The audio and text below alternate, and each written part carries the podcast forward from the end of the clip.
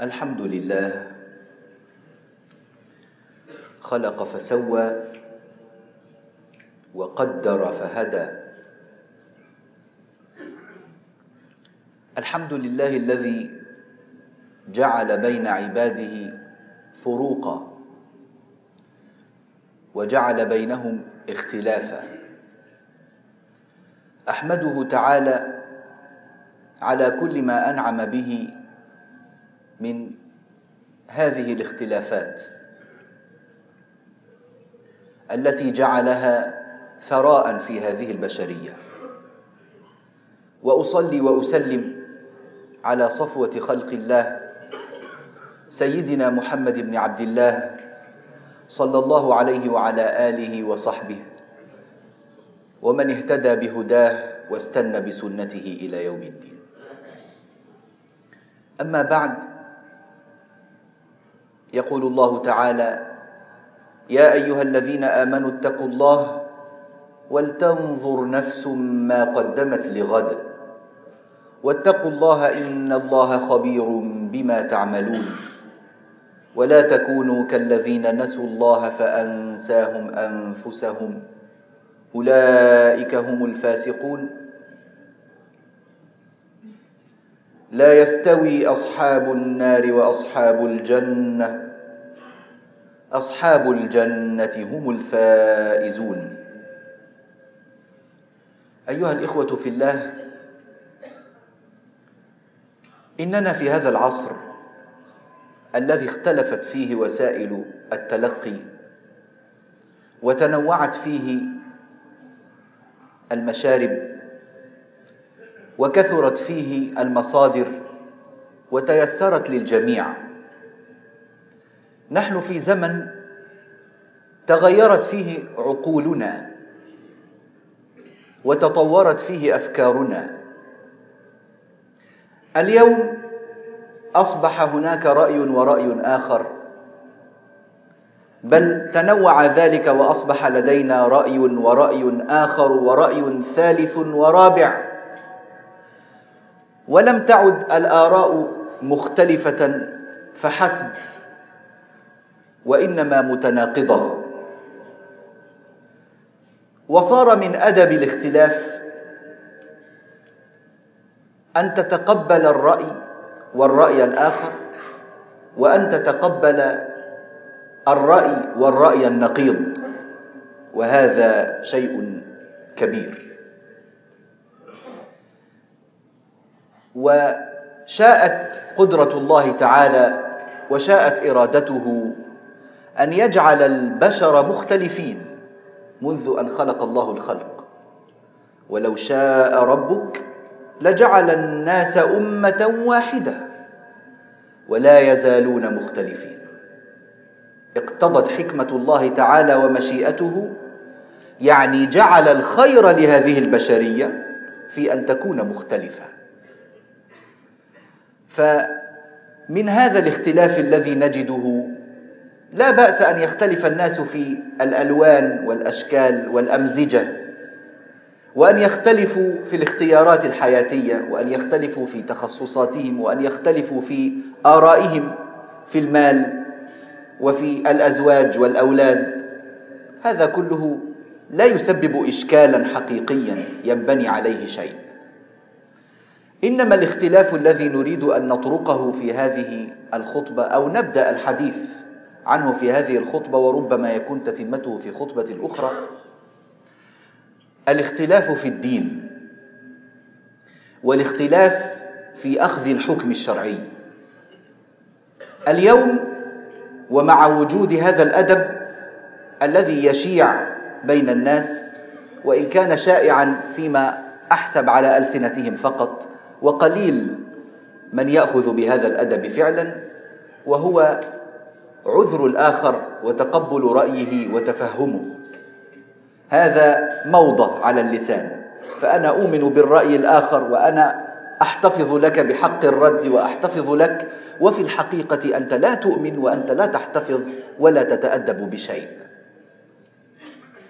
أعني هذا الصنف طبعا وإلا حضراتكم على العين وعلى الرأس.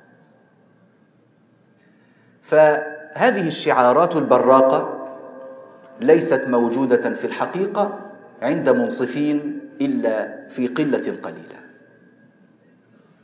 ومن أسباب هذا الاختلاف التصور الخاطئ. لكن قبل أن نتكلم عن ذلك نحتاج أن نصنف أنواع الاختلاف فيما يتعلق بالدين. لدينا اختلافات متعلقة بالأصول العقائدية العامة. يعني لا يصلح أن أقول أنا مسلم وهو نصراني وذاك يهودي والثالث مجوسي كلنا يتخذ الطريق الذي يحبه فأنا أؤمن بديني وأؤمن لك بدينك ولا إشكال عندي. لا عندي إشكال. فمن أصول إيماني بديني أن أعلم أن هذه الأديان كلها كفر وأن هذه الأديان كلها تورث النار ولا شيء غير النار مهما كان صاحبها خيرا وكريما وذا خلق حسن مهما كان. هذه لا يمكن أن تدخله الجنة ابدا. فمن شك في هذا فعنده مشكلة في دينه هو نفسه. فلا يصلح أن أتقبل الرأي الآخر في هذا باعتباره طريقا من طرق الصواب على الأقل في اعتقادي لكن في الجدل لا مشكلة. بمعنى ليس لدي مشكلة في أن يكون فلان نصرانيا.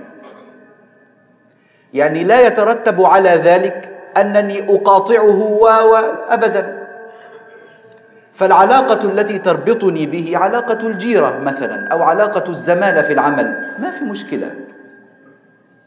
لكن لدي مشكلة في أن أقول كل الطرق تؤدي إلى مكة. لا ليس كل الطرق تؤدي إلى مكة. في إيماني لا أتقبل أن أكون نصرانيا أو أن أظن أن هذا النصراني وهذا اليهودي وهذا البوذي يمكن أن يكون معي في الجنة يوما من الأيام. أصول الإيمان قول الله تعالى وقول رسوله صلى الله عليه وسلم المحقق أن هذا لا يكون. لا نريد أن ندخل في ما يتعلق بإقامة الحجة وهل قامت عليه أو لم تقم. نحن يعني لا نستخدم هذا في الحكم على الأعيان. فلان ابن فلان الفلاني من أهل النار. هذا موضوع آخر. لكن اليهود والنصارى ليسوا من أهل الجنة. تمام. فلان الفلاني لا تدري بما يختم له. قد يؤمن قد يكون آمن ولم يعلن ذلك. قد يكون وقد يكون. هذا باب آخر يدرس في محله. فالخلاف في أصول العقائد واختلافات الأديان هذا لا يعد خلافا مقبولا. فهذا الخلاف خلاف غير مقبول وليس هو محل النظر عند أكثر المسلمين بحمد الله. لكن كان ينبغي أن يذكر لأننا نتكلم في زمان أصبح يتداول فيه كثيرا حرية الفكر وحرية الرأي وحرية التعبير ولك أن تقول ما تريد ولا أصادر على رأيك وهذا كله جميل لكن ضمن حدود الشرع. على الأقل فيما يتعلق بنفسي. لأنه أصبح يتخذ ستارا للإلحاد اليوم وتكثر الأطروحات الإلحادية تحت هذا الستار. الخلاف الثاني من خلافات الخلافات في هذا الصدد الخلافات فيما يتعلق بالدين خلافات المذاهب العقدية وهذا أيضا محل دراسته المتخصصون. يعني اليوم الناس لا يبحثون فيقولون وقد قرأت في كتب المعتزلة كذا وقد قرأت في كتب الجهمية كذا. هذه الفرق المختلفة لا يتعاطى معها عوام الناس. ليست ضمن اهتماماتهم أصلا إلا في عدد قليل لا يعد يعني شريحة تستحق الدراسة والعناية بالذكر في هذه الخطبة. لكن هذه الاختلافات نستطيع أن نقول اختلافات في أصول الإسلام. أصول ليست في الأديان وإنما ضمن الإسلام لكنها في العقائد في أصول الإسلام. هذه أيضا ليس محل دراستها منابر المساجد ولا الدروس العامة وإنما هي تخصصات من يعتني بها يجد مصادرها ومن يستشكل عليه شيء فإنه يسأل فيها أهل الذكر ويجد فيها الإجابة إن بحث عن ذلك. الخلاف الثالث الخلاف في فروع الإسلام. معنى الفروع الإسلام يعني الأحكام الفقهية وهذا هو الذي يكثر فيه تعاطي الناس جميعا في هذا الزمان. ومن أسباب إذكاء ذلك هذه الفضائيات المنتشرة التي دخلت فيها الثقافات وتواصل فيها الشرق مع الغرب وظهر فيها أعلام كل بلد في من خلال قنواتهم.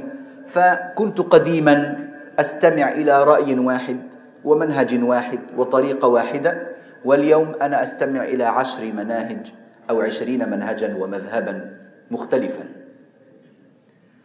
فهذا يورث في النفس التساؤل ما الصواب من ذلك؟ هل أستطيع أن آخذ بقول الشيخ الفلاني؟ أم يجب أن آخذ بقول الشيخ الفلاني؟ وما شابه ذلك. ويقع عند بعض الناس مشكلة في تقبل هذا الخلاف. فيقول النبي صلى الله عليه وسلم عمل عملا فينبغي أن نعمل كما فعل عليه الصلاة والسلام. فهذا الكلام الجميل هو سطحي جدا عند الفقهاء لأن كل الفقهاء الذين يختلفون إنما يريدون في الحقيقة أن يصلوا إلى ما أراده النبي صلى الله عليه وسلم بفعله وما أراده الله تعالى قبل ذلك بالآية التي أنزلها. فلماذا اختلفوا؟ وما موقفنا نحن من هذا؟ الاختلاف. أيها الإخوة في الله الخلاف له ثلاثة أسباب. السبب الأول اختلاف عقول الناس واختلاف مداركهم. هذا أمر طبيعي جبل الله عليه البشر. أن هناك من يستطيع أن يقرأ بعدا لم يقرأه غيره. وهناك من يستطيع أن يفطن إلى معنى لا يفطن إليه غيره. وهناك من طبيعته النفسية تحكمه في اتخاذ أو في في البحث الفقهي. فهو في طبيعته طبيعته مع أهله ومع ناسه ومع أسرته ومع مجتمعه طبيعته الحزم في الأمور. طبيعته كذلك. فهذا الرجل عندما يبحث الأحكام تسيطر عليه نسبيا هذه الطبيعة. فيحب أن يأخذ قولا حازما ولا يأخذ قولا غير حازم. يحب أن يقول جائز أو ممنوع ولا يأخذ قولا وسطا ما دام يستطيع الخروج من القول الوسط. وهناك من طبيعته النفسية السلاسه ولا يحب أن يأخذ الأمور بحزم. طبيعته النفسية هكذا. فهذا يجعل نوع من أنواع الاختلاف في في الحكم. وهنا ينبغي أن نميز بين الاختلاف وبين الخلاف. الخلاف هو نوع من أنواع الصدام. أما الاختلاف هي آراء متعددة توصل إلى نتيجة نهائية واحدة تقريبا أو متقاربه فالجميع يريد مثلا أن يصل إلى الصواب في الحكم الشرعي الفقهي. لا إشكال. أنا قرأته هكذا وغيري قراه هكذا. هذه طبيعة الفقهاء. فهذه المسألة نوع من أسباب سبب من أسباب وقوع الخلاف بين الفقهاء. سبب ثان هو اختلاف معاني الكلمات في اللغة العربية. العربية. التي هي مادة الوحي التنزيل باللغة العربية القرآن الكريم عربي كلام النبي صلى الله عليه وسلم عربي. هذه هي مصادر التشريع الأساس في الأساس. فاللفظ العربي في طبيعته له خاصية احتمال أكثر من معنى. فما الذي يجعلني آخذ بهذا المعنى وأترك هذا المعنى؟ هناك قرائن معينة يدرسها الفقهاء وهي محل عملهم التي أفنوا أعمارهم فيها. فيختلفون. هذا الفقيه يرى أن هذه الكلمة جاءت بهذا المعنى. هذا هو المعنى المقصود. وآخر يقول لا بل جاءت على المعنى الآخر وهذا هو المعنى المقصود. والمطلقات يتربصن بأنفسهن ثلاثة قروء ما هو القرء؟ كلمة قرء عند العرب لما العربي يسمع كلمة قرء تدل على معنيين الطهر والحيض. فأيهما يريد الله تعالى؟ هل جاءنا الله عز وجل بكلمة قاطعة تحل هذا الاختلاف؟ ما جاء كلمة قاطعة تحل الاختلاف فلذلك اختلف الفقهاء. منهم من قال ثلاثة أطهار ومنهم من قال ثلاث حيضات. هذا خلاف معتبر. ليس فيه إشكال. هذا القول له وجه صحيح وهذا له وجه صحيح. ولا يوجد لديك مادة تحكم بها بأحد القولين أنه هو الصواب وأن الآخر خطأ لا شك فيه. لا تستطيع. هذا خلاف معتبر سببه اللغة العربية. هناك خلافات سببها ثبوت النص ودلالته. ما معنى هذا الكلام؟ يعني قال رسول الله صلى الله عليه وسلم كذا كذا كذا وجاءني قول. فلا يأخذ به فقيه من الفقهاء. السطحي البسيط يقول أقول قال رسول الله ولا تاخذ بقول رسول الله عليه الصلاة والسلام؟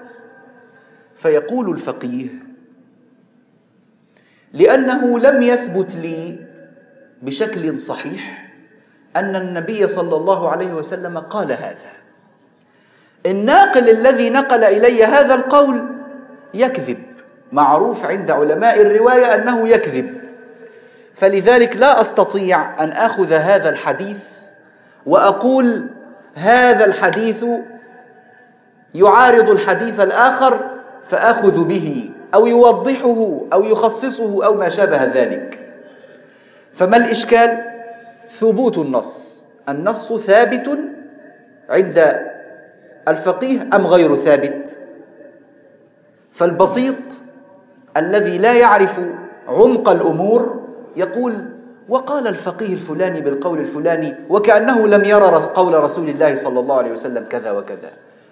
وبعد البحث والتنقيب يظهر أنه ثبت له قول النبي صلى الله عليه وسلم اطلع عليه ولم يأخذ به لعلة معينة. هذا الثراء الفقهي جاء بسبب ثبوت النص أو دلالته. النص ثابت لكنه غير واضح المعنى يحتمل معنيين كما فعلنا في الآية. هذا كله أدى إلى ثراء عظيم فقهي تراث كبير امتلأت به بطون الكتب الإسلامية يعد من مفاخر هذه الأمة. مفخرة من مفاخر الأمة. بركة على هذه الأمة حتى إن المسلم لا يكاد يفعل شيئا لا يوافق فهما من أفهام الفقهاء. رحمة من الله تعالى لهذه الأمة. هذا الخلاف هو الذي ينبغي أن نتعامل معه بأدب الاختلاف. أقول قولي هذا وأستغفر الله العظيم لي ولكم ولسائر المسلمين من كل ذنب. فاستغفروه إنه هو الغفور الرحيم. إن الحمد لله نحمده ونستعينه ونستغفره ونعوذ بالله من شرور أنفسنا ومن سيئات أعمالنا. إنه من يهده الله فلا مضل له ومن يضلل فلا هادي له.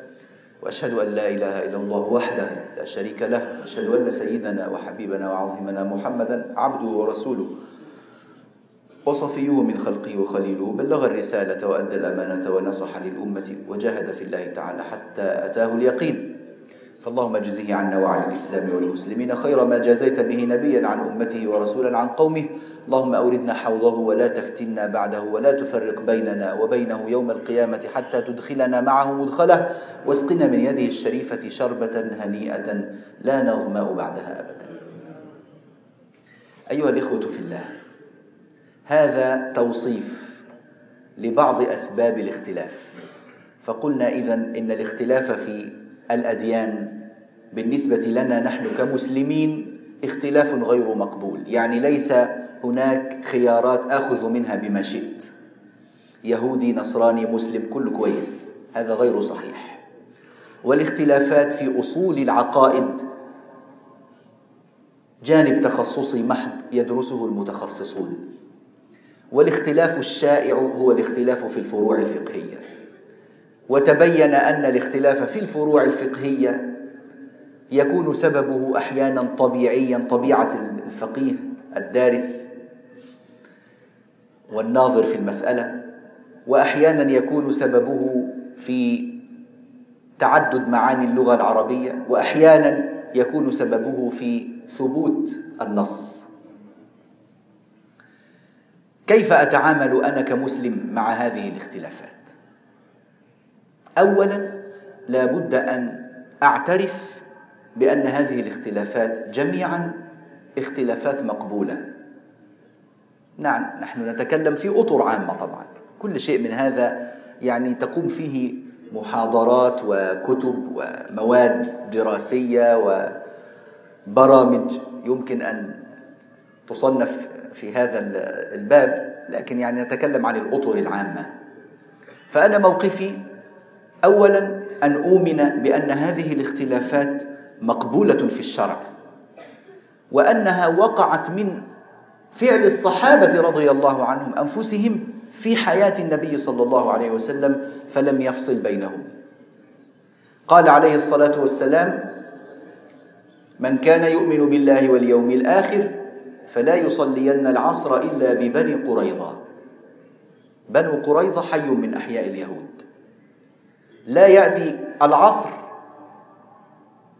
إلا وأنتم في بني قريظة. يعني كونوا سريعين. انطلقوا الآن بسرعة حتى لا يأتي العصر إلا وأنتم هناك يعني بسرعة.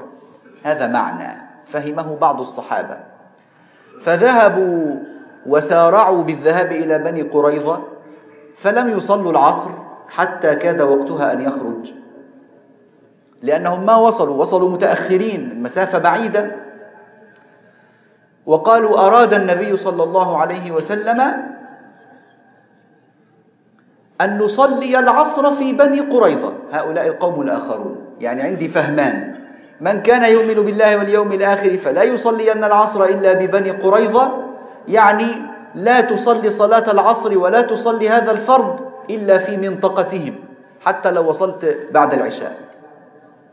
فهم مباشر لللفظ. والآخرون قالوا إنما أراد السرعة فصلوا في الطريق. حضرت العصر نصلي ونكمل. يعني أراد عليه الصلاة والسلام الإسراع يعني انطلقوا بسرعة امشوا. فنحن في سرعتنا والحمد لله وحضرت الصلاة فنصلي ونتابع. فصلى قوم وأخرها قوم حتى وصلوا. ثم لما رجعوا إلى النبي صلى الله عليه وسلم حكى حكى بعضهم له هذا الاختلاف فلم يفصل بينهم في شيء. لم يقل الذين صلوا في الطريق أتوا بالصواب والذين أخروا العصر أتوا بخطأ ولا قال العكس. فكأن النبي صلى الله عليه وسلم يؤصل في هذا إلى جواز اختلاف العلماء في فهم نصوص الشرع وأن هذا باب مفتوح من توسعة الله تعالى على العباد حتى لا يحرج عليهم. فهذه نعمة من النعم نحمد الله عليها. الأمر الثاني إذا أخذت برأي من الآراء الفقهية بناء على دراسة وسؤال مفتي تتفرس فيه العلم والتقوى والورع وأنه ضابط للفقه ومشهور بين الناس بهذا لأنه أنا ممكن كمسلم عامي ليس لدي الأدوات للحكم على الفقيه لكن معروف بين الناس ويشيع بينهم أن فلان عالم جليل وأن فلان يعني آه، متقن وأن فلان مجيد وأن فلان واع للفقه وأنه قد بذل جهدا واسعا في التلقي عن العلماء. معروف يعني هذا لا يسع. الناس الحمد لله جهله الآن.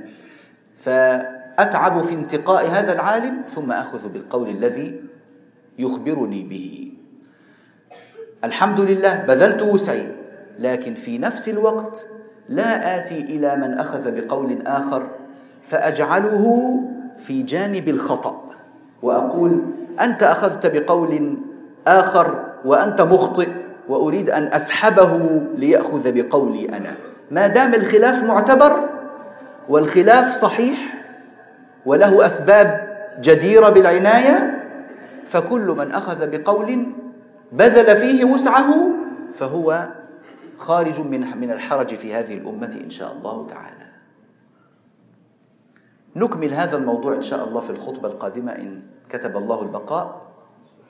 بحول الله تعالى ونسأل الله سبحانه وتعالى أن يبارك لنا ولكم في القرآن العظيم وأن ينفعنا وإياكم بما فيه من الآيات والذكر الحكيم.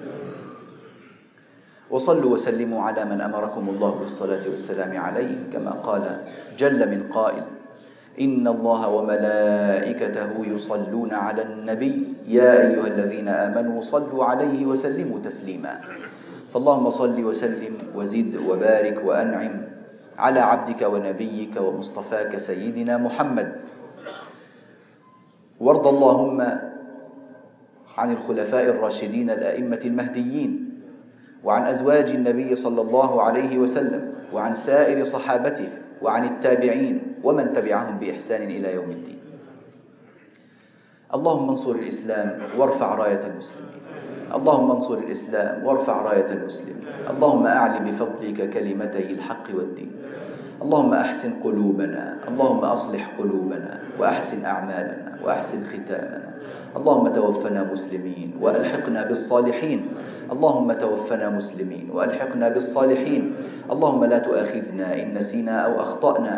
اللهم لا تحمل علينا إصرا كما حملته على الذين من قبلنا. ربنا ولا تحملنا ما لا طاقة لنا به. واعف عنا واغفر لنا وارحمنا. أنت مولانا فانصرنا على القوم الكافرين.